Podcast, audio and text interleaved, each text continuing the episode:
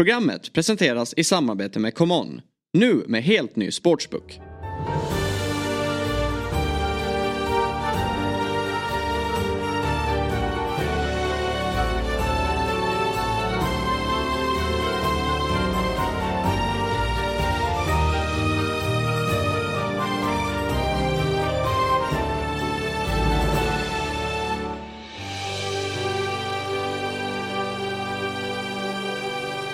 Då hälsar vi varmt välkomna till ett nytt avsnitt av Big Six. Det är måndagen den 19 februari och det är väl lite av en, nej, det ska ju spelas Premier League-fotboll ikväll, men lite av en klämdag får man säga om man håller sig till Big Six-lagen då. Det har spelats Premier League-fotboll i helgen eh, och så ska det spelas Europamatcher och Premier League-matcher här i veckan. Tabellen släpar ju men det är omgång 25 som har spelats. Och du har väl som vanligt Björn eh, kollat en hel del fotboll i helgen antar jag? Eh, ja, så är det ju. Och så precis som du säger, vi har ju City Brentford imorgon och sen Liverpool Luton på, på onsdag. Ja. Och eh, där under tiden så ska ju till exempel Arsenal spela på onsdag då, Champions League eh, fotboll. Så att, Mm. Men eh, eh, ja, det, det fortsätter ju vara ett ruggigt race i I hela i, tabellen. I hela tabellen, precis. Ja. Jag tänkte stanna vid toppen men så började jag tänka att liksom både botten och Europaplatserna och allt vad det är är ju ruggigt spännande. Vilket är väldigt, väldigt, väldigt kul. Och eh, eh, det är ju spännande att eh, vi har ju suttit och hypat upp City. Eh, för att de trummar igång. Men de känner ju pressen här nu. Mm. Eh, med, vilken, med den kanonform som Liverpool och Arsenal är i här. Så att, och det är lite fascinerande, alltså det går ju fort också de här säsongerna. Tänk att det är bara tre månader kvar av eh, Premier League-säsongen. Ja. Det är- Nej, men nu kommer det ju spelas. Det är väl ett landslagsuppehåll där i slutet på mars. Sen Ja, så är det ju precis. fotboll hela tiden eh, i känslan. Men det är ett race som skulle faktiskt kunna dö i veckan. Mm. Det är bottenracet. För att Everton ska tydligen få sin dom här nu. Eh, de och Nottingham Forest. Ja, det, är, väl- det är väl om Nottingham Forest tappar ännu mer poäng då. Ja, än, än vad Everton gör. Då skulle ju faktiskt det kunna handla om dem.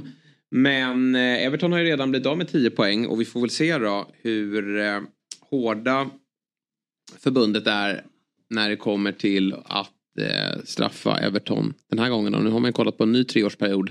Och har man inte Mm. skött sig då kan det bli ytterligare poängavdrag då. Så är det. Rätt ska ju vara rätt men hade det varit tråkigt för, för en, en bottenstrid Ja, som, jag, som jag, just sitter, nu jag, ser... sitter, jag sitter och tänker på reaktionerna som kommer bli gentemot att City fortfarande jag klarar sig undan. Eh, och Everton lyckas man vara så oerhört snabba på. Men där är det väl då lite mer eh, tydligt. Eh, I, I sådana fall då med att de har gått för mycket minus helt enkelt. Men ja, det, det ställer ju till det ordentligt för, för Everton eh, som ju har det tufft, som ligger just nu på nedflyttning. Ehm, och eh, som du säger, det kan ju vara till Lutons stora, stora glädje. Och även Crystal Palace som- och del då. Så får vi se vad som händer med, med eh, Nottingham. Men du tänkte alltså Sheffield United, 65 insläppta mål på 25 matcher. Nej, det är... De, de, eh, det kommer inte bli något bottenrekord vad gäller poäng. Vi, får kolla upp vad rekordet är på mest insläppta mål på en säsong. 65 mål alltså. känns som att de nästan kan eh, gå över... Ja, jag vet som sagt inte vad rekordet är för insläppta men... Ah, kan de gå upp på eh, 90? Ja, men de, jag tror de går över 100. Alltså. Det, är, Ja, det kommer ju inte vara motiverat i, i Nej, herregud. Sheffield United-led. Herregud. Sättet de tar sig an matchen igår då med eh, det där röda ko- kortet som Anel Ahmedhodzic han har lite otur när han tänker ibland men, men eh, han, får, han tycker inte att det ska vara ett rött kort då. Han gör det ju inte Holgate. lätt Nej. för, för en att liksom tycka om honom. Nej, Men jag vet som Jonas Olsson sa i studion att eh, när, när eh, han får micken där efter match och så säger han att jag tycker inte att det där är rött kort. Man hör på reportern, han reagerar ju. Mm. Att vänta nu. Men du tycker inte det är rött. Men då ska man ändå ha med sig, om man ska vara lite schysst mot Ah- Ahmedhodzic här. Han har ju inte sett bilderna. Utan Nej. han har ju bara sett det live. Och, och då på ett sätt kan jag och lite ha förståelse för att liksom att man kanske inte liksom har hela bilden klar för sig. Nej. Men jag tror, nog, man jag tror nog att han ser de där eh, reprisbilderna sen så eh, känner nog att jag kanske inte skulle sagt sådär. ja det där direkt rött det är väl tre matcher men det där ska man nog Det skulle kunna kika på att det ska vara fler matcher på det där eh, övergreppet eh, som, som eh, Holgate utsätter Mittoma för. Lyckligtvis så klarade sig japanen och eh, Brighton vinner ju väldigt komfortabelt då med 5-0. Men jag tycker inte vi ska prata allt för mycket om den matchen utan fokus till att börja med får väl bli Stormötet, det gäller att välja rätt ord här, inte toppmötet utan stormötet mellan Man City och Chelsea. Och mm, på förhand var det länge sedan jag var så övertygad om att ett stormöte skulle sluta eh, med en hemmaseger. Men så blev ju inte fallet och faktum är ju att Chelsea definitivt hade kunnat lämna här med tre pinnar. Det är fascinerande på något sätt när man alltid, jag tycker nästan, tycker nästan eller det är väldigt, väldigt ofta det är så. När man tror, för jag trodde också att när, när man ser framför sig, det här kan bli 5-6-0. Mm. Det, det. det blir aldrig det. Nej. Och det vet jag, alltså för att referera till en annan expert, Martin Åslund har pratat om det. På det är något sätt, på sätt att när de här, speciellt när det gäller storklubbar som är i, i brygga och ska möta en annan storklubb och det är eh, det, det, är olika förutsättningar och många tror att det ska bli stor förlust. Då tenderar ju sådana här storklubbar, egentligen oavsett liga, att nu skärper vi till oss. Nu jävlar, vi, vi tolererar inte att bli förnedrade här. Det, det finns bara inte. Nej. Alltså då tar vi ett kryss och så sen eh, var ju matchen inte riktigt på det sättet utan det var ju snarare att Chelsea gick för segern. Men, men att det, det ändå tenderar att bli så för att det här är spelare på sån oerhört hög nivå. Så att det finns ett stopp. Man kan liksom inte bli eh, det finns bara inte. Kan, man kan inte bara bli förnedrad. Nej, och sen vet vi också om att vet, Chelsea har stått upp ganska bra i just stormötena mot topplagen. Där har man ju ganska många kryss med sig faktiskt. Eh, inte vunnit så mycket men inte förlorat eh, så många matcher heller. Samtidigt mötte man ju Liverpool ganska nyligen och blev överkörda just på Anfield. Och mm. jag tycker att City har ju växlat upp sista veckorna här och de vet ju också om att det går ju inte att slå på takten. Utan eh, de kommer till den här matchen med vetskapen om att Liverpool har vunnit mot Brentford med, med ganska stora siffror. Och Arsenal har pulveriserat Burnley och har 11-0 på de två senaste. Så det, det, det bör ju vara rejäl taggning i Cityled. Men de kommer inte riktigt upp i nivå här och, och Rodri efter matchen var förbannad över hur, hur man spelar defensivt framförallt. Och jag minns ju Arteta som fick frågan här i någon intervju ganska nyligen där han sa att Arteta, eh, vet det, Pep Guardiola är ligans mest defensiva tränare. För han vill ju bara ha bollen. Han vill kontrollera matchen i den utsträckning att de aldrig släpper till målchanser. Men det är ju ett City som framförallt i första halvlek Ja, men det, ju, det, ska ju vara nästan 2-3-0 i halvtidsvila. Sen har ju givetvis City också lägen och det får vi väl komma till att Haaland just nu inte riktigt är glödhet. Men eh, Chelsea hade verkligen lägen att till och med stänga matchen i första halvlek. Ja, de är ju, eh, de är ju faktiskt slarviga i i eh, sista tredjedelen. De har ju de här omställningslägena som de gör så bra och eh, men, men eh, ja, jag håller verkligen med. Därför tror jag ändå att Chelsea känner lite så här att eh, jag vet att en del spelare sa det efteråt också. Det är klart att en poäng här med allt vad, hur korten låg inför är bra. Men vi är lite besvikna för att vi kände ju att den här matchen kan vi vinna. Mm. Men som du säger, City har ju sina lägen i slutet. Eh, men men eh, min bild är ändå att Chelsea var närmast, eh, närmast segern. Eh, och eh, Ja, men det är ju fascinerande med, med City här. De var ju igång tillbaka efter klubblags-VM och, och, var så, så oerhört heta. Och man kände att nu blir de det här monstret igen.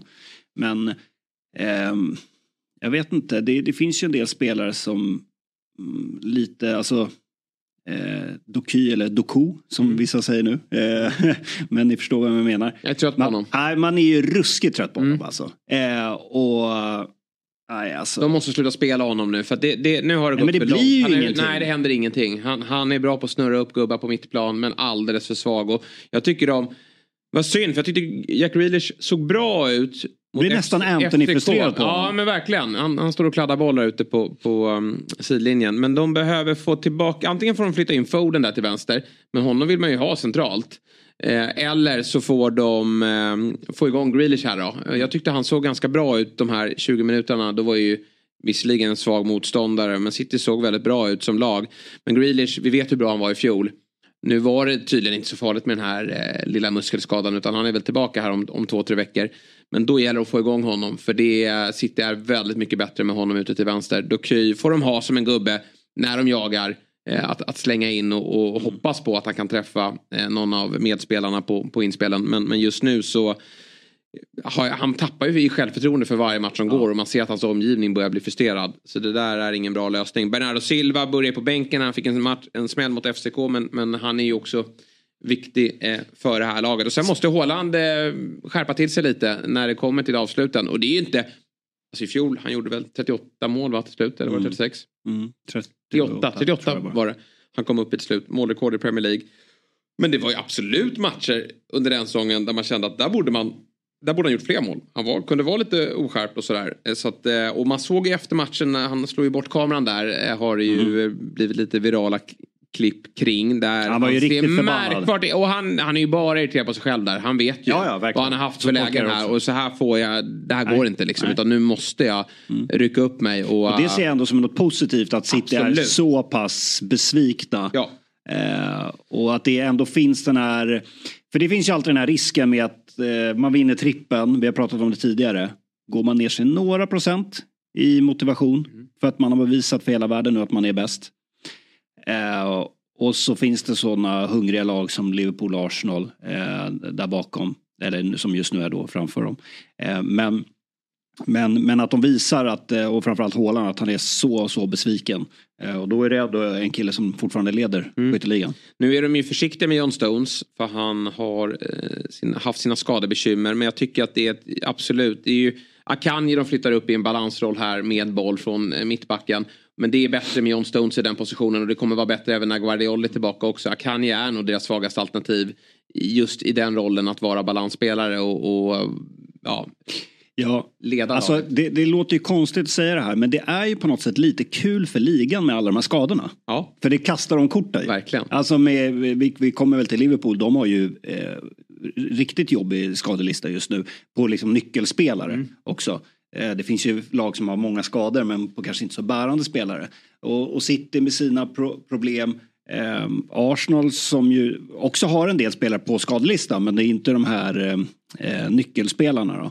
Eh, det gör ju att eh, det, det blir eh, eh, det blir lite omfördelat i vad gäller, vad gäller förutsättningarna. Vilket är kul. Men det är inte i sig så kul med skadade spelare. Man vill se de bästa på planen. Ja. Eh, så. Men vi, sen har vi det här det som rullade mycket på sociala medier igår med Citys, eh, får man säga, svaga facit mot Big Six så här långt. Nu ska de ju möta alla lag eh, en gång till. Men de har ju alltså bara en seger mot Big Six och det är mot eh, Manchester United.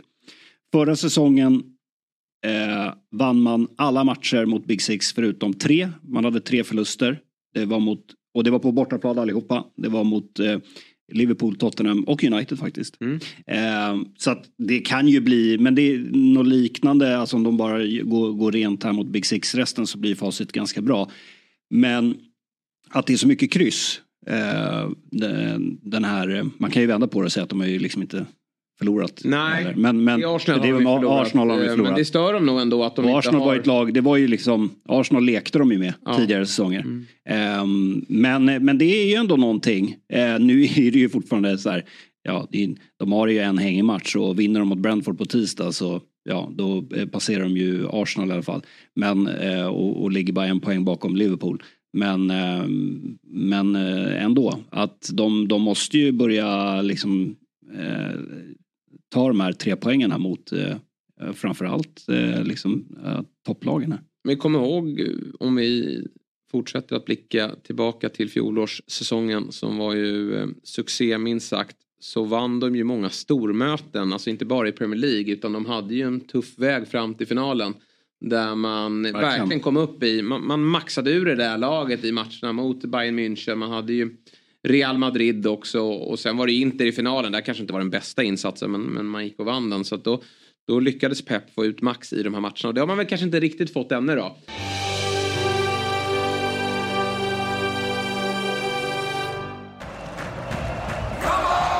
Den är här nu.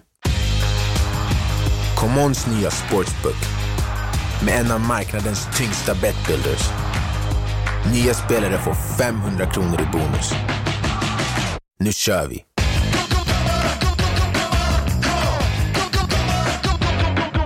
–18 plus. Regler och villkor gäller.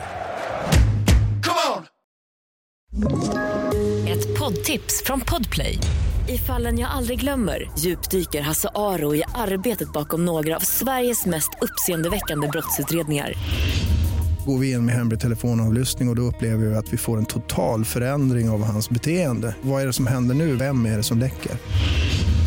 Och så säger han att jag är kriminell, jag har varit kriminell i hela mitt liv men att mörda ett barn, där går min gräns. Nya säsongen av Fallen jag aldrig glömmer på Podplay.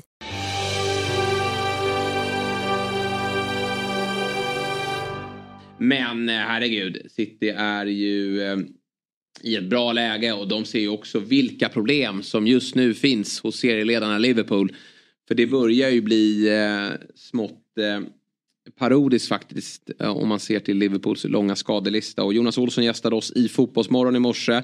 Och han eh, påminde alla om att det är inte första gången Liverpool får en lång skadelista. Och eh, det Klopp kanske ska ha lite kritik för då, det är ju att han han kanske har varit tvungen men eh, att han har skickat in spelare lite för tidigt. Trent Alexander-Arnold fick ju spela nog kanske på grund av att Bradleys pappa då, eh, mycket tragiskt gick bort och att han inte har varit eh, med de senaste veckorna. Men han slog upp den där knäskadan. Och det senaste, det är inte bekräftat ännu, men det senaste är ju att Sala har dragit upp sin lårskada. Ja det är så? Ja, mm. det är det senaste. Sen får vi se, dragit upp den, jag vet inte hur illa det är. Men rapporten är att han inte kommer spela mot Luton i alla fall på onsdag. Och det kan ju vara att han kanske hade en krampkänning och att man är väldigt försiktiga i och med att det är en ligacupfinal som spelas mm. på söndag. Samtidigt är ju ligan absolut prioritet för Liverpool. Luton hemma kanske man ska vinna oavsett. Men eh, vi vet att Curtis Jones och eh, Jota klev av med skador som inte kändes eh, bra alls. Alltså det där Nej, är ju långvariga smällar. buren på bord. Ja, ja, det är en knäskada och två månader i rapporterna där. Mm. Eh, så det är ju slutet av säsongen. Han kan vara tillbaka. Och det är ju så otroligt tråkigt för både Curtis Jones och Jota har ju varit väldigt bra mot slutet. Jag tycker Jota kanske har varit den bästa spelaren utav dem alla. Han har någonting i den offensiva trion som, som ingen annan har. Dels i att han är väldigt bra på att transportera boll men också att söka sig till, till ytor. Eh, som, eh, ja men bollen av någon märklig anledning alltid dimper ner på. Eh, han har ju haft ett väldigt fint målfacit och jobbar stenhårt i, i, i det defensiva arbetet också. Så att Jota är ett tungt avbräck för dem. Mm. Så nu får vi se då hur Klopp löser det här framåt. För nu har han då Nunis också som klev av i paus. Vet man ju inte. Exakt. Det verkar inte vara jätteallvarligt med honom men det blir väl sikt, att sikta in sig på finalen då och inte Luton-matcherna på onsdag. Ja precis. Och Soboslaj finns där redan innan. Trent Alexander-Arnold. Allison sa ju Klopp här i fredags att han är tillbaka nu efter sin sjukdom. Men sen dök han inte upp på lördagen och då sägs det att det är en ljumskada, en muskelskada. Mm. Som håller honom borta och eh, Keller gör en bra match här. Han står för några eh, fina räddningar men eh, det är inte samma sak som att ha Allison längst bak. Nej och sen har du ju då spelare som Thiago som väl man känner så här kommer han någonsin spela fotboll igen. Eh, skadades hela tiden. Du har ju Bajcetic som ja. man glömt bort nästan. Ja, som jag tyckte i våras var det va, såg eh, väldigt spännande ja. ut. Eh, som också finns på, på, på skadelistan där. Eh, så att eh, det är klart att det är ett stort problem. Och det, dels så är det ju också Liverpools sätt att spela med, de är ju extremt, kanske världens mest intensiva lag. Så att, mm. eh, det är inte så konstigt att de drar upp skador. Men du, shit vad, vad bra Salah var när han kom in. Ja, nej, men jag menar det var ju det. som att han inte hade varit skadad. Nej, jag vet. Alltså det... han kom ju bara in Men jag reagerade på, undrar om eh, Klopp tyckte det här var läskigt att slänga in honom. Nu sitter vi med facit i hand där han troligtvis då har fått en, en eh, känning av den här muskelskadan som han hade i låret. Men att slänga in honom efter en månads frånvaro i den 30 minuten redan. Det, mm, och match onsdag, eh, ligacupfinal söndag. Det kan nog inte ha känts jättebra i magen på Klopp. Han kommer dock in och är briljant. Eh, och, och den här eh, Ja, men vi har ju tyckt att Liverpool har klarat sig väldigt väl utan honom. Men det är väl klart att Salah är något extra. Han är ju nivå högre än alla andra i det här laget. Och att han då får hamna i poängprotokollet tämligen omedelbart. Men det är bara att hålla alla tummar för, för Liverpools mm. skull här att det, det, är en, en lindrig skada. Och att han kan jag ju tänka mig också att Salah är ju lite så här som, som Messi, att jag ska spela hela tiden. Mm. Och att han har väl, alltså medicinska Absolut. teamet går han ju på, Klopp ja. såklart. Och de säger ju han är redo. Mm. Och, och jag kan tänka mig att Salah står där och knackar honom på axeln. Så när Jota går sönder, jag ska in, ja. så nu ska jag in. Mm. Det måste Klopp säga emot i så ja, Men han hade men, inte jättemånga alternativ Men han måste ju ha gått på liksom medicinska teamet. Säger de ja. att han är redo, då är han ju redo. Sen kan man ju alltid vara lite försiktig. Alltså, eh, jag, jag, tror att hade inte Jota gått sönder då och, och de hade haft eh, 4-1 då hade han kanske inte slängts in. Nej men då, precis, alltså, då kanske han fått 20 bara för att eh, rastas och, och sen kanske 60 Men minuter samtidigt mot är det ju. Salah som liksom är ett plus ett. Alltså på något sätt säkra den här. Det här är ingen serien. lätt match att till Brentford och, och eh, vinna så pass enkelt. Liverpool gör ju en, en imponerande insats. Det är så många spelare i det här laget Mm. som, som kliver fram när andra är i sjukstugan. Och eh, Liverpool, eh, det är ju bara skadorna emot här nu för att hålla hela vägen. Det eh, är ett fantastiskt lagbygge han har fått Sen undrar man ju liksom vad, vad, hur frustrerad Darwin Nunes måste vara. Alla de här ramträffarna. Nu mot Brentford gör det här chipmålet som är rätt kaxigt ändå. Snacka om mental styrka. Ja. För där kan man ju bara känna rulla, idiotiskt. rulla, ja, rulla bara in den. Nej Ja. men jag chippar. Hur snyggt som helst. Ja, självförtroendet måste ju vara på topp. Ja, då kommer skada. Ja, Alltså det är liksom hur mycket otur ska den där mannen ha nej, precis. Eh, men eh, ja, eh, vi får se eh, om han eh, redan är tillbaka nu i, i veckan eller om det är ligacupfinalen som är fokus som ju är på, på söndag. Nu kanske Brentford räddas då av att Everton blir av med ytterligare poäng i den här bottenstriden. För annars får man ju se upp. Sen tror jag man befinner sig i ett skede av säsongen där man möter väldigt många topplag. Och, och det är inte så konstigt att man förlorar mot Liverpool på hemmaplan. Men defensivt ser det riktigt skakigt ut. Vad enkelt det var för Liverpool att eh, bara kliva Som igenom annars göra var, alla har varit deras styrka ju. Ja men exakt, det har ju varit det. Och, och det var, jag läste en, kom, en intervju med Pontus Jansson i Fotbollskanalen. Det var ju om andra saker man pratade om där. Eh, hans eh, Malmö FF-säsong.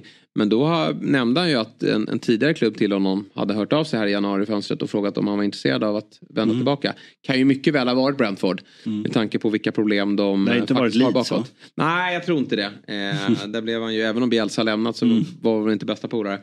Men Brentford läcker framförallt bakåt och då tycker jag Fläcken gör, mot City stod han ju på huvudet och han gör ju några bra räddningar här också. Men eh, de eh, måste täta till bakåt här nu. Ja, det måste de. Eh, positivt ändå att de framåt då har Ivan Tony tillbaka. Som ju, det är ändå imponerande hur, hur han bara fortsätter leverera. Även om målet han ska säga, får här är ju ganska enkelt. Men att han ändå liksom har kommit tillbaka här nu med den frånvaron och bara levererar. Ja, vi får se vilken, vilket lag som plockar upp honom. Men han känns verkligen redo större uppgifter än Brentford. Men han får väl börja med att skjuta dem kvar i, i Premier League. Och det, det tror jag nog att han lyckas med. Senaste 17 matcherna då på Brentford så har de bara två nollor. Så, och då är det många matcher där man inte bara släpper in ett mål utan, utan eh, betydligt fler. Och, eh, ja, är man sådär ihåliga, ja, då är det omöjligt att, att stoppa ett lag som Liverpool. Tre viktiga poäng för Liverpool men dyr eh, seger då eftersom eh, skadelistan listan bara fylls på. Så är det ju. Ett annat lag som flåsar dem i nacken och som är väldigt heta just nu det är ju Arsenal. Och eh, diskussionerna i januari, december, januari, jag tycker i och för sig att de har varit där ännu längre. Det var ju att eh, behovet av en målskytt.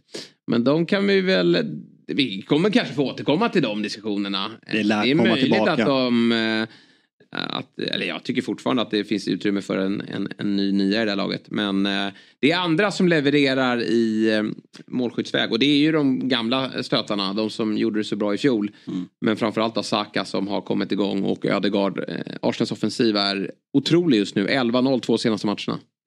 Ja, precis. Och 21 mål på fem senaste. Eh, Premier Leagues hetaste spelare just nu, Bukayo Saka. Ja. Får man väl säga. Ja det tycker jag.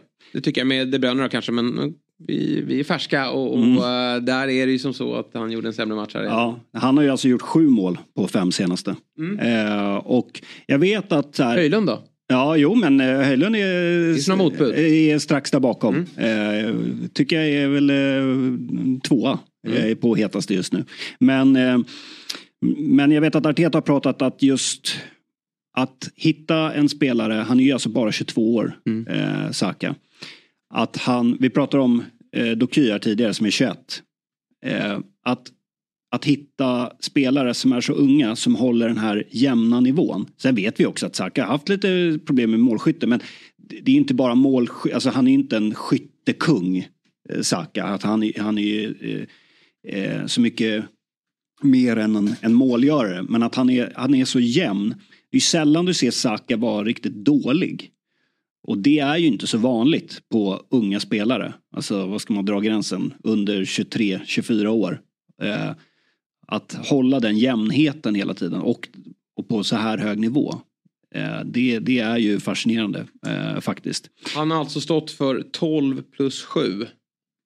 25 matcher in. Det är, Mm, det är starkt alltså. Mm. Det är väldigt bra. Ja. Och då har ju Ödegaard varit där och snott några straffar ifrån honom också. För de slår han ju väldigt, båda de slår de väldigt bra då. Mm. Men nu har han slagit de två senaste och eh, det strålar verkligen om honom. Och eh, han kliver in i en bra form i ett viktigt eh, skede Men, eh, men, men absolut, Ödegaard är ju också toppform. Ja Eh, absolut. eh, Nej, men det är ju mycket som, som, det är många spelare.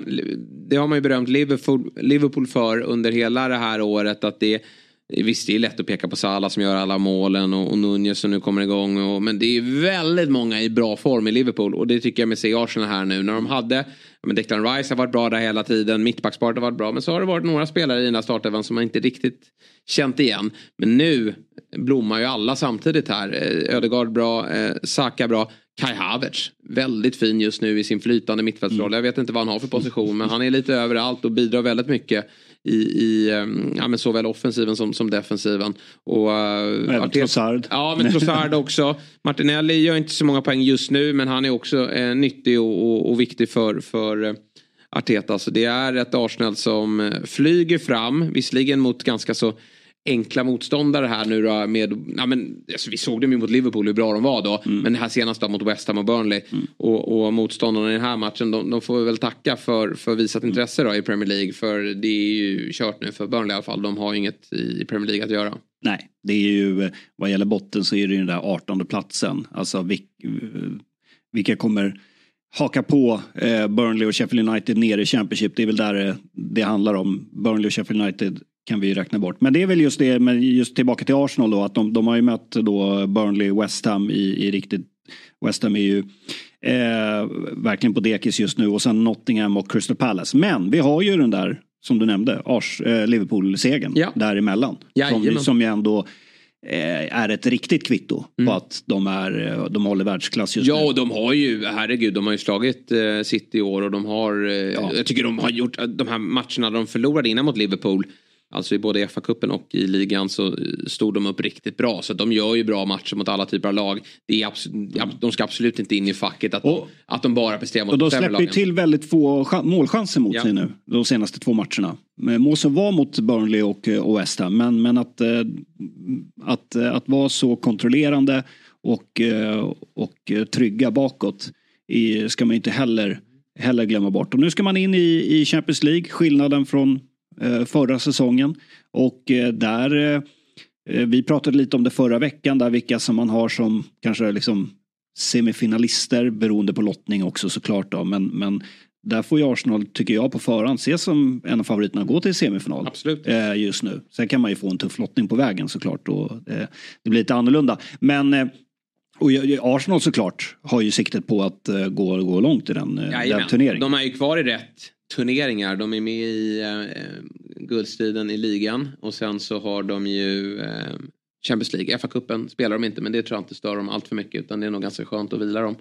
I, i, i, den match, i de matcherna. Så att det, du stack ju ut hakan här i december och sa att Arsenal kommer vinna i år. Och sen skrattade vi gott åt dig här runt eh, Ja, det såg lite mörkt ut ett tag. du, du vände ju deras fina trend där men nu är Ja. de tillbaka. Jag ska väl vara tyst nu då. Ja precis. Och inte säga något. Nej men... eh, Men än så länge får jag vara som de här eh, som många experter brukar säga, där jag får stå kvar vid det.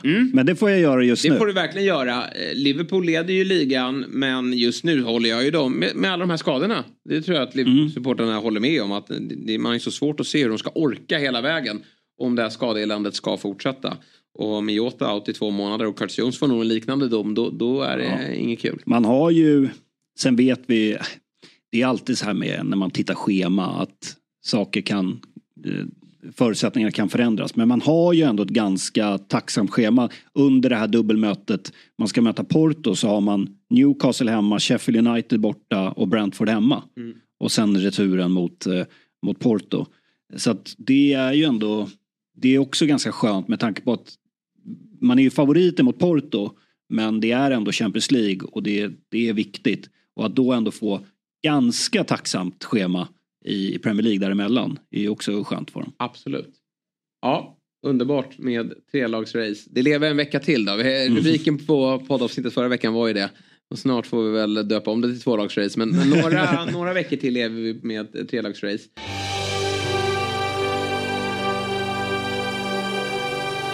These are the champions. Dun, dun, dun, dun, dun. Jajamensan, Champions League är tillbaka i veckan.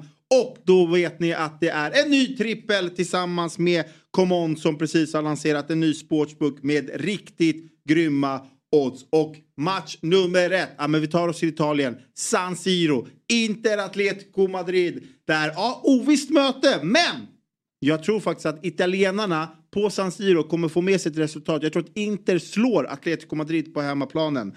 Eh, match nummer två är PSV Dortmund. Och alla som känner igen mig i mitt spel vet att jag älskar hörnspelen. Där är jag också vass måste jag meddela själv. Men PSV Dortmund över nio hörnor spelas också på tisdagen. Och på onsdagen avslutar vi Porto Arsenal över åtta hörnor. Så Inter vinna, PSV Dortmund över nio hörnor, Porto Arsenal över åtta hörnor och spelet finns som vanligt på common.com under fliken experterna. Men kom ihåg att du som spelar måste vara 18 år, spela ansvarsfullt och har du eller någon i din närhet problem så finns stödlinjen.se. Tack till Common som är med och möjliggör detta avsnitt. Ett poddtips från Podplay. I podden Något Kaiko garanterar östgötarna Brutti och jag, Davva, dig en stor dos skratt. Där följer jag pladask för köttätandet igen. Man är lite som en jävla vampyr. Man har fått lite blodsmak och då måste man ha mer.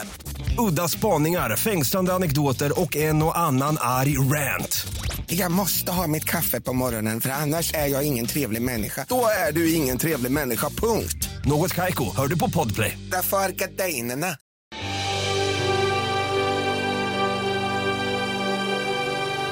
Det är ju även ett trelagsrace när det kommer till Champions League-platserna. Återigen vet vi inte hur många platser som kommer att räcka, eller som kommer tilldelas England då, om det blir fyra Nej. eller fem. Men vi har Aston Villa, Tottenham och faktiskt Manchester United som eh, i allra högsta grad Inför säsongen med. hade vi ju United väl på Det Champions hade League. vi, men det hade jag räknat bort kan jag säga dig. Det, och det kanske vi får göra snart igen. Men eh, de är rent poängmässigt definitivt med i jakten på att få kvalificera sig till Champions League nästa år. Och en ny seger för dem då och den man framförallt pratar om i Manchester United. Det är ju dansken Rasmus Höjlund som nu har gjort mål i fem matcher på raken i Premier League. Och eh, har eh, dessutom gjort sex mål va? på de här fem matcherna. Han är i riktigt bra slag. Och jag ska inte säga att United släcker matchen tidigt. De får ju två tidiga mål. Men det blir ju absolut eh, liksom nerv i den här matchen när Luton kommer in i den, jobbar sig in. De är ju härliga där på, på sin hemmaplan. De, de viker aldrig ner sig och spelar med. När, när vi ser Vincent Kompany med, med sin eh, misslyckade idé får man ju ändå säga. Men han är ju lite mer av en eh, ideologtränare. Eh, där, där han eh, har, har inspirerats av framförallt sin eh, forna tränare Pep Guardiola. Då, så ser vi ett Luton som, som bara kör. Eh, mer klassiskt eh, engelskt spel där eh, man drivs på väldigt mycket av energi. Och den, trots då ett 2-0 underläge så hittar man tillbaka till sitt sätt att spela. Och det fylls på med mycket eh, spelare i boxen och det skickas inlägg från kanterna. Och det är ju nära faktiskt att man eh, lyckas få med sig ett eh, resultat här. Men jag tycker ändå i slutändan att United vinner den här matchen rättvist. Man har ju också väldigt mycket lägen. Jag tänker på Ganachos friläge. Bruno Fernandes har ju en två, tre lägen där han ska göra eh, mål. Eh, så att, att United vinner rättvist, det, det tycker jag inte råder några tvivel om. Och det är väldigt skönt för dem att de har så många offensiva spelare som börjar hitta till eh, ja, men den, den nivån man, man förväntar sig av dem. Mm. Nej men jag, jag håller med att eh, de, de vinner välförtjänt. Eh, lite som studion pratade om eh, efteråt i Premier League-studion att nästa steg, nu, nu tar man de här vinsterna eh, och jag tycker man vinner välförtjänt mot Luton. Vi ska veta att Luton har stört många storlag den här säsongen på hemmaplan. Nästa steg för United blir det här att kontrollera matcherna. Det är väl det man förväntar sig av dem. Eh, de har ju också en tränare som egentligen väl vill spela eh, mer kontrollerande. Och ska man vara topplag så måste man kunna kontrollera matcher bättre. Men man är ju lite, man är i en ombyggnadsfas nu. Och eh, det ska ju bli ruggigt spännande att följa vad som händer i United.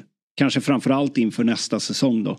Eh, med de senaste uppgifterna som kom igår och med eh, Dan Ashworth som ju eh, har varit på Uniteds radar länge, länge. Eh, som nu eh, eh, sägs då ska lämna Newcastle. Eh, Efter bara två år på posten. efter bara två år. Nu eh, var ju rapporterna, det snackas om 15 till, att Newcastle ska ha 15 till 20 miljoner pund. Vilket alltså nästan är en kvarts miljard svenska kronor. Annars så eh, blir han bara liksom låst i, i två år. Nu sägs det att apropå låsa att United ska ha låst hans, eller Newcastle, ja, Newcastle United, ska ha låst hans dator och alla hans scoutingrapporter har kommit åt dem. Eh, och se om man har några kopior på dem. Han har väl en dator där hemma. ja, exakt. Han har väl några eh, minneskort eller någonting. Ja. Men, men eh, mycket talar ju för att han kommer gå till... Ja. till eh, Har det gått så långt och blivit så infekterat så är det såklart att han Ja, kommer att lämna. Sen är det ju hisnande summor men återigen så berömmer jag United här att de börjar i i rätt ända med att stärka upp ledningsrummen. Det som känns väldigt rörigt under väldigt många år där man inte vet vilka som fattar besluten. Så börjar det klarna kring hur United vill jobba framåt då med Berada från City här och nu då en, en sportchef eller vad han nu får för titel, football director eller sports director, det återstår ju att se. Men eh, eh, Dan Ashworth är väldigt högt aktad i England. Han har ju jobbat många år i FA. Sen var ju faktiskt United intresserad av att plocka honom tydligen 2018. Han gick till Brighton, ligger bakom framgångarna där. Nu i Newcastle, bara två år då. Men jag kan, en smäll för Newcastle det här. Som ju...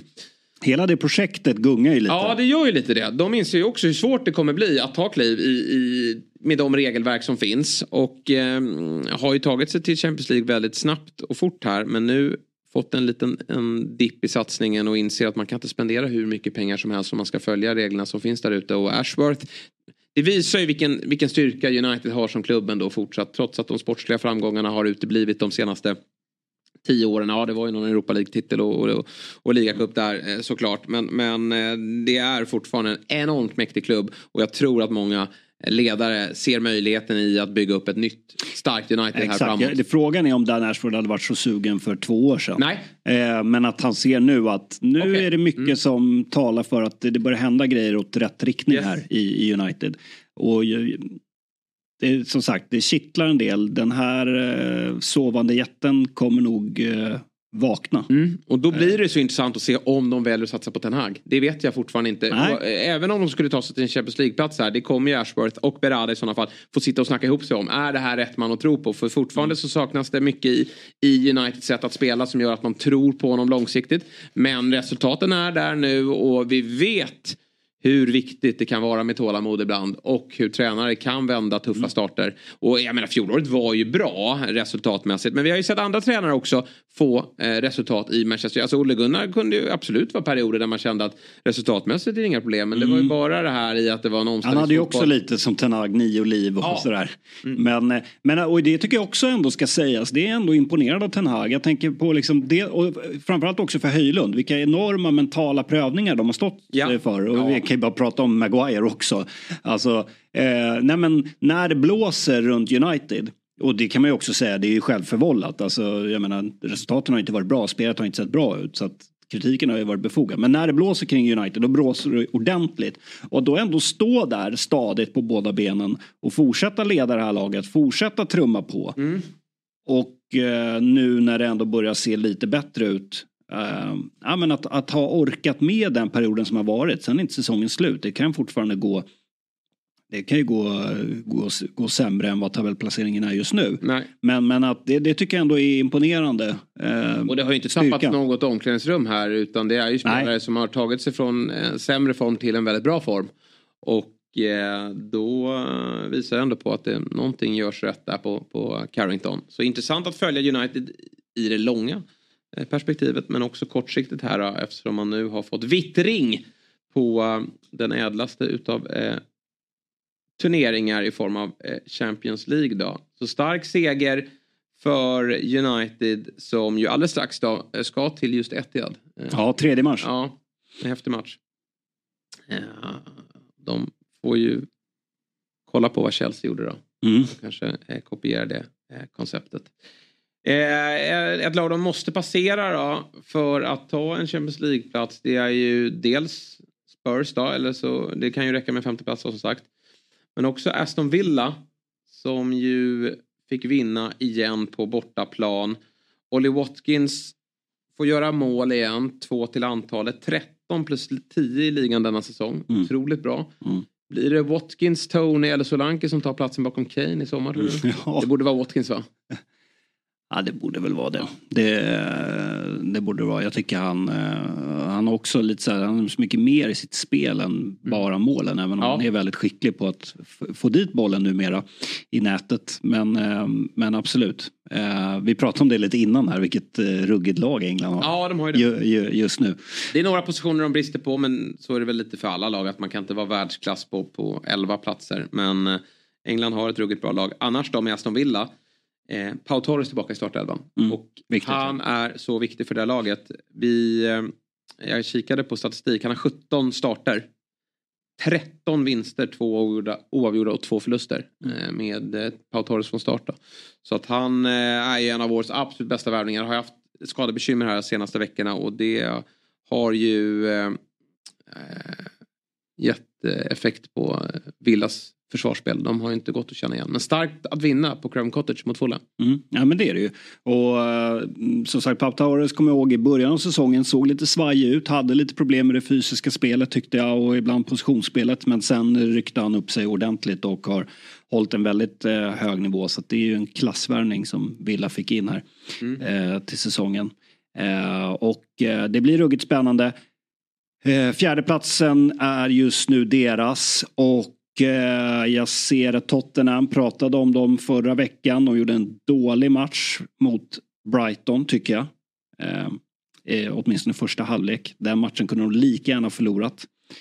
Eh, och de är inne i en, eh, en, en formsvacka. Lite överraskande. Alltså man trodde Ja, lite, att för nu är ju alla spelarna tillbaka. Ja, men de hade ju ridit ur de här problemen. eh, Den här stormen som fanns runt julen här med alla borta. Och, och nu skulle man ju bara då kliva in i ligaspel för man är ju utslagna i samtliga kupper Och Europaspel har man inte haft något under säsongen. Så det var ju nu Spurs skulle lägga i nästa växel när alla också var friska och krya. Men det har man inte, ja nu ska det säga att båda ytterbackarna saknas idag eh, i den här matchen. Men de ska väl vara tillbaka snart då, i form av Porro och eh, Udogi. Men, men de offensiva alternativen är tillbaka. Men eh, svag insats och eh, man måste ju också passa på att hylla motståndarna här som vi båda trodde skulle kunna få det väldigt jobbigt den här säsongen med tanke på att Lopetegui tidigt går ju om eh, Chelsea snart. Ja, ja nej, men alltså Gary O'Neill, vilken eh, tränare han är ändå. Mm. Dels vad han gjorde med Bournemouth i fjol och nu det han lyckas lösa med eh, Wolves. Då. Sen är det ju sådär att Wolves har ju ett ganska intressant lag på pappret. Men, men Lopetegui klev ju av för att det här är inte bra nog. Och den här satsningen som, som eh, de har sysslat med med Jorge Mendes spelare. Den, det känns som att den hade börjat eh, dö ut här och att Wolves eh, hade dragit ner på ambitionerna.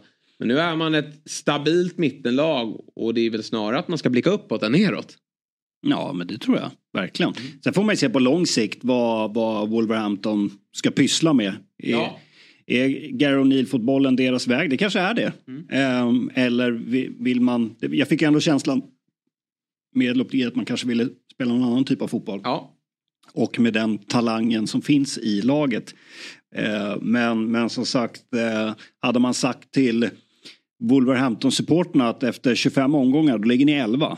Så hade nog alla tagit det på hand. Eh, så att, eh, nej, det, är- det är riktigt bra resultat eh, och jag tycker liksom defensiven är, är också ganska pålitlig. Men eh, Det som apropå- sticker ut här då, det är att Spurs har ju 70% av bollen. Mm. Eh, Men det är ju Wolves som, som vinner matchen och, och även kommer till farligare målchanser. Mm. eh, Sen är det kanske inte så konstigt, jag vet att Postecoglou pratade om det efteråt, att vi kör på vår identitet. Ja, ja. Det här klassiska då att jag har min spelidé och, och eh, vi, vi, det är ju en klubb som fortfarande är liksom eh, och renoveras på, på många sätt. Och det är klart att det då eh, det blir lite hål här och där. Uh, och det är de smällar man, man får ta. Sen var det den här med den här kanonstarten på säsongen. Man känner, vadå, vänta nu, ska Tottenham vara med och slåss om titeln här nu? Uh, och nu kanske man håller då på att tappa Champions League-platser. Det, det som blir spännande är att, inte den här omgången, men omgången efter, då möts ju Tottenham med Aston Villa. Otroligt. Det blir en eh, häftig sexpoängsmatch Ja, i kampen om ju- Champions League-platserna. Nej, men Men, jag tror de känner, Tottenham känner stressen. United är ju där. Eh, och vem vet, Brighton kan ju, kan ju också vara med. Nu är Brighton ändå en bit bakom. Men, men, men United absolut. De är ju där och flåsar dem i nacken. Ja. Nej men hade någon sagt till en Spurs-support inför säsongen att ni slutar sexa i år och, och eh, efter att man hade sålt Harry Kane och har en ny tränare och ska bygga upp något långsiktigt så, så tror jag inte att Spurs-supportrarna eh, hade blivit allt för förbannade. Men, men däremot sett till hur säsongen har utvecklat sig och vilka resultat ändå Postecoglou med sin fotboll kan åstadkomma så är det såklart att det, det blir nog en besvikelse i slutändan. Resultat, alltså inte att Postecoglou hänger löst på något sätt men de, eh, hade, de har fått mer smak eh, och, och eh, har absolut nog räknat in att det här ska nog kunna räcka till en Champions League-plats. Och det kan det göra. Nu, nu har de en liten svacka. United är på gång och Villa har studsat tillbaka från en formsvacka. Så det där kommer vi nog få, få ändra eh, oss kring under våren. Men, men just nu lite jobbigt. En, en spaning här som jag kom att tänka på när, när du nämnde Harry Kane och Postecoglou kan tänka mig att de kanske möts de två i Bayern München. Ja. Att, äh, att Bayern München äh, äh, slår en signal mm. ja, och säger kom hit. Mm. För det är den där fotbollen, vi ska bara skölja över allt och alla. I Bundesliga, fatta vad Postkoglu hade kunnat göra med det laget. Mm. sen vet jag att han har ju fått svara på liksom Liverpool-rykten och säger nej, nej, nej, nej. nej. Men, men sen när buden kommer, då är det något annat. och Ja, jag har ingen aning om Bayern München ens eh, tittar Nej, på Postecoglou. Men de det skulle... Sin tränare, det, men det gör de väl idag? Ja, det skulle inte vara helt otänkbart att, eh, precis som du säger, inte nu, eh, mitt under säsongen här, men till nästa säsong. Ja. Jag kan se det hända.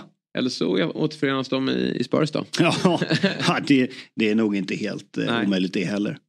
Vi ser hur många titlar han bränner i år då, eh, Harry Kane. Eh, minst sagt kämpigt just nu då i i Bayern München. Men eh, vad har vi för andra resultat då från omgången eh, som sticker ja, West Ham fortsätter ju gå tungt och David Moyes ja. fortsätter ju stå och säga att jag är den som vinner titlar i den här klubben. Ni kan säga vad ni vill. Mm. Eh, har han ju rätt i. Det, det har han ju faktiskt rätt i. Men de, de sjunker ju. 0-11 senaste tre.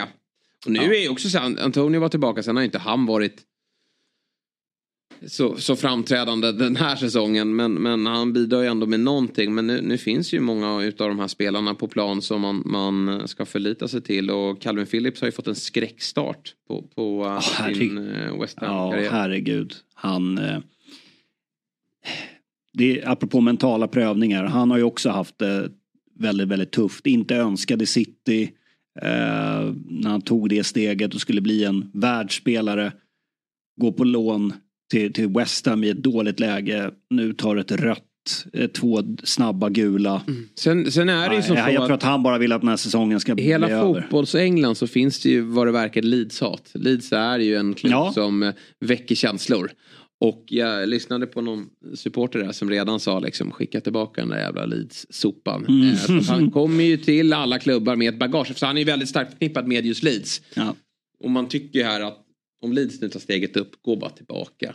Ta på dig kaptensbindeln och, och kör i, i, klubben du älskar. För det här har blivit, gått lite snett. Sen ska vi ge honom tid såklart. Mm. Men eh, det har inte blivit en rolig start och han kommer ju till värsta tänkbara läge också. Dels ska han då komma igång formmässigt. Han har ju EM han siktar in sig på här i sommaren mm. och han, han känner pressen i att nu, måste jag, nu ska jag få spela och nu måste jag leverera. Så kommer han till ett West Ham som mår skit för stunden. Eh, men de får väl fokusera på Europa igen då och gå och vinna eh, Europa League. Ja, herregud. Det är ganska många matcher kvar att spela om och det kan eh, vända för både Calvin Phillips och, mm. och eh, West Ham. Men jag är nog lite mer skeptisk vad gäller West Ham faktiskt. Viktig seger för Nottingham Forest ändå som ju har känt stressen säkert där runt eh, strecket. Mm. De är absolut långt ifrån klara men får hålla nollan, eh, vinna igen och eh, förhoppningsvis kan börja blicka uppåt i, i tabellen då. Mm. Helt enkelt. Ja. Sen är det en viktig match ikväll då med, med just eh, Everton eh, mot Crystal Palace. Där eh, Everton faktiskt inte får, de får inte förlora den här matchen. Nej det får de inte göra och dessutom är det ju en del eh, ångest i, i Palace. Nu har vi mm. Roy Hodgson som har varit på sjukan. Just det. Eh, var ju snack om att han skulle få sparken, att Oliver Glasner då eh, som bland annat vann Europa League med eh, Eintracht Frankfurt eh, skulle komma in. Nu vet jag inte riktigt vad läget är. Det känns ju väldigt hårt att kicka Roy när han ligger Ja, på sjukhus. verkligen. Eh, men kanske att det, hans kontrakt går ju ut efter säsongen och man Mm. kanske gör bytet där. Men säg att det blir förlust ikväll. Då är det ju svettigt liksom. Ja, det är ju faktiskt det. Eh, För då, då, Så det, det blir ändå, Ja, det, kan, det det kan bli en ganska rolig match att följa med neutrala ögon. För det är mycket Verkligen. på spel. Ja, och Palace med deras skador. Eh, Everton mår väl skademässigt ganska okej, men eh, ja, eh, på Goodison Park så ska de ändå ha goda möjligheter att vinna i det här läget. Mm. Och ta sig över strecket. Sen får vi se om de faller tillbaka under veckan. Eh, och det kan ju också gälla Nottingham Forest då.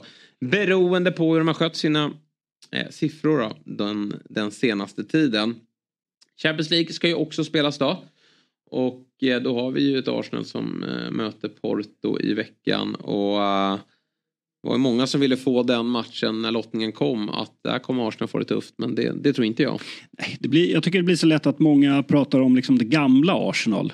Att eh, nu ska de ge sig in i Champions League och eh, att Arsenal som har haft lite, får man väl ändå säga, lite loser-mentalitet de senaste säsongerna.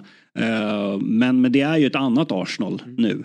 Sen är ju liksom bortamatcher i Champions League med tanke på att det är dubbelmöte. Även om bortamålsregeln är, är, är väck så är ändå dubb, alltså, eh, inleda på bortaplan. Det, det vill man ju alltid göra. Eh, men jag menar Arsenal kan ju ta ett kryss här. De är ju oddsmässigt stora favoriter eh, på bortaplan. Men ett kryss är ju inte eh, är ju inte fy skam. Sen beror det alltid på hur matchen ser ut. Men att allting talar ju för att Arsenal kommer göra en bra match. Bara för det så gör de väl inte det då. Men, eh, men eh, eh, får de med sig ett kryss är det också he, Absolut. helt, helt okej. Och jag tror att Arteta tar sig an den här matchen med att just kontrollera, eh, inte släppa till målchanser. Eh, och sen vet han ju att de här offensiva spelarna är i, i sitt i kanonslag. Så att, ja, nej, jag tror att jag sticker inte ut hakarna på något sätt men jag tror Arsenal reder ut det där dubbelmötet ganska bekvämt. Ja, det tror jag också. Du, eh, Premier League nästa säsong kan ju bli väldigt underhållande känner jag med tanke på Mm. vilka tre lag som just nu är i toppen. Mm. Det är ju de tre lagen som åkte ur i fjol. Leicester, Leeds och Southampton och alla de har ju struktur och organisation för att tillhöra eh, Premier League. I år har vi ju varit besviken faktiskt på nykomlingar. Även om Luton överraskar oss eh, så är det väl, skulle de fixa det i år så, så ryker de väl nästa år. Eh, I synnerhet om det är de tre lagen som går upp. Två lag på direktplats. Sen ska det ju vara miljardmatch och annat på Wembley innan vi får reda på vilket tredje, lag, eh, tredje laget blir. Men eh, jag blir glad av att se att de tre, det är alltid kul såklart när, när det dyker upp lag man inte hade förväntat sig. Eh, som, som i det här fallet av Luton. Men eh, nästa år blir det av allt att döma då, minst två nykomlingar som verkligen har i en Premier League-miljö att göra. Ja, det är väl eh, alltså ska ju till ett eh, galet ras om Leicester ska tappa det här. Ja. Eh, de har ju... Fint är att vara det fortfarande. Han spelar Ja. inte varje match för de, det spelas väldigt många matcher. Men, Mm. men han får sina starter. Man känner igen väldigt många av spelarna. De, de behöll ju stora delar Ja. av truppen. Och visar att det är i Premier League de ska vara. Nej men så är det ju med den fallskärmen som man får när man åker Yes. ur Premier League. Och Leeds på väg upp och så. sen har vi väl eh, Ipswich då som skulle kunna bli den här eh, skrällen. Just det. Att ta De sig, skulle kunna hota eh, Southampton. Eh, West Brom är där uppe också. Och, och, Och även Coventry. Att, ja. eh, Gyökeres gamla klubb. Så att, eh, nej men ehm, Leicester är ju en, en ganska sympatisk klubb. Ja, eh, sådär, så att, Absolut. eh, Nej, men alla är väl lite förtjusta i, i dem med tanke på Mm. vad de... eh, Och Leeds är, Leeds är ändå, du pratar om det att det är många som hatar dem. Just därför är det ju ganska kul att ha dem uppe. Det är en klassisk Absolut. klubb. Så att, Jajamän. ja. Du, på tal om eh, eh, Sheffield United då och eh, rekord när det kommer till antal insläppta. Vår, vår superredaktör här då, eh, Linus, han har ju grävt fram då att Mm. Det är ett rekord som är i fara. Eh, Swindon Town 93-94 släppte in 100 mål, men då var det 42 matcher i Premier League som spelades. Mm. Eh, rekordet när det kommer till 38 matcher, det är det Derby som har den där. Ja, det är den, eh, Ja, 89 mål. ja men det ska vi nog kunna Eller hur? eh, Det tror jag passera. vi löser. Det kan vi gnugga fram tillsammans. Ja, verkligen. eh, fem insläppta igår då mot eh, Brighton och massa röda kort och ja, ett ganska uppgivet Sheffield United kommande omgångar kommer nog fortsätta att släppa in eh, en väldans massa mål. De ska ju möta Arsenal här snart. Mm. Som ju har är ganska bra framåt just nu. Så då, då lär ju de eh, förstärka den där målkolumnen. Det jobbiga för Sheffield United också, de har gjort tränarbytet. Ja, Alltså, de har gjort det de kan. De, de har ju gett upp. De, det, och det, detsamma gäller väl Burnley här att det gäller att planera inför för nästa år och försöka studsa tillbaka. Sheffield United har ju, måste ju försöka hitta en, en metod framåt där man inte bara lyckas studsa tillbaka utan att när man Mm. även får behålla sin Premier League-plats. Men det, det är inte lätt. Brighton då 5-0. Jag tänker vi studs, avsluta med studset på lite nyheter. Daily Mail rapporterar att eh, De Serbi är Barcelonas första val då, Mm. som eh, tränare. Det tycker jag låter rimligt Mm. om det är så. Eh, han eh, står ju för en fotboll som man ju ändå kan se rimma ganska bra med hur, hur Barcelona vill e- egentligen spela sin fotboll. Mm. Eh, så att eh, det skulle vara tråkigt ur ett Premier League-perspektiv att De Serbi drar. Men eh, eh, rimligt säga att, att Barcelona skulle plocka över honom. Mm. Och eh, har ju svårt att se att De Serbi skulle nobba eh, Barca. Om det är så att det inte finns eh, fetare bud från eh, Premier League-klubbar då. Ja. Eh, och eh, det får vi väl se. Men det är väl kanske inte... Det skulle väl vara om eh, Xabi Alonso inte går till Liverpool då. Annars vet jag inte riktigt. Eller om man skulle gå till United. Mm. Eh, kanske. Mm. Men eh, eh, det är väl det emot. Annars så eh, kanske vi ser att De Serbi går förlorad ur Ja. från Det var Brighton. ganska bra tillfälle för honom att studsa vidare från Brighton. Får vi se om Potter kommer tillbaka. Ja, det Ja men, bra. ja, men det, det, det hade ju faktiskt varit en ganska bra lösning. Ja, kanske han inte vill. Man, man ska väl akta sig för det där. Det är inte alltid det blir klockrent men eh, just här tycker jag nog ändå att det kan vara bra. Annars får Brighton hitta nästa succéman Mm. som tar över det här laget. Det har ju fått en del kritik, eh, Brighton, men tittar vi till tabellen, sj- sjua. Ja. Och som sagt, jag tyckte att eh, jag menar, matchen mot Spurs eh, kunde de lika gärna vunnit eh, också. Så att, och, och proppen ur här eh, senast då. Ja, och är ju kvar också i Europaspelet eh, där man definitivt kommer satsa hårt. Mm. Ja, det tror jag. En Europa League-vinst Mm. är ju Champions League-spel också. Ja. Och Brighton faktiskt, ja, de är inte favoriter för Liverpool är ju kvar. Men och nu kommer ju dimper väl ner några Champions League-lag också som slutade trea. Men eh, det där blir eh, spännande att följa. Bra eh, Björn, vi eh, fick ju till ett eh, nytt trevligt och bra avsnitt känner jag. Och torsdagsgänget är ju tillbaka på just torsdag. Och sen är det ju ligacupfinal då. eh, På söndag som du och jag får prata ner. Och visst känns den matchen mer oviss nu? Ja, men det gör den än vad den gjorde för några veckor sedan. Alltså när semifinalerna var eh, avklarade så, så eh, hade man nästan skrivit in Klopps andra ligacuptitel. Men eh, skadeelände och ett Chelsea som eh, har vunnit mot Villa och kryssat mot City. Det eh, visar styrka. De visar styrka. Ja, men det gör de. Och eh, nej, precis för en vecka sedan så eh, var, var i alla fall jag helt övertygad om att Liverpool, det där kommer de vinna på, på, på 90 minuter ganska, ganska bekvämt. Sen kanske de ju står där ändå med, med Salah, Nunez och Diaz från start. Men eh, det, det är inte säkert. Nej. Eh, nej, verkligen inte. Jag har sett att oddsen har gått upp lite på, på Liverpool nu här. Så att, eh, eh, nej, men det blir ruggigt spännande och för Pochettino skulle det betyda extremt mycket även om ligacupen Ja, är ju lite sådär. Det är alltid den brasklappen, men, Men- det är en titel. Ja. Eh, Och, och den behöver han om något. Och Klopp är ute på sin avskedsturné här. Det han vet ju inte heller hur många pokaler som kommer ställas i det där skåpet under den här säsongen. Och han vet också om Nu vann de ju ligacupen det Det vore sjukt om Liverpool landar på noll. Ja men exakt. Och, nej, men när han hade chansen på den där, man snackade om kvadruppen. Så eh, han slutade ju med att han ba, bara då, inom citationstecken vann FA-cup och ligacup. Och då var han nog lite besviken. Så att han, han vill nog ta varje tillfälle han får här nu att fylla på i pokalskåpet. Ja, såklart. Så är det. Ja. Om en vecka vet vi eh, Mm. hur det har gått och eh, det bästa ni kan göra det är att lyssna på mina eh, och Björns analyser om en vecka. Men först ses vi på torsdag igen. Vi eh, säger fortsatt trevlig måndag. Det gör vi.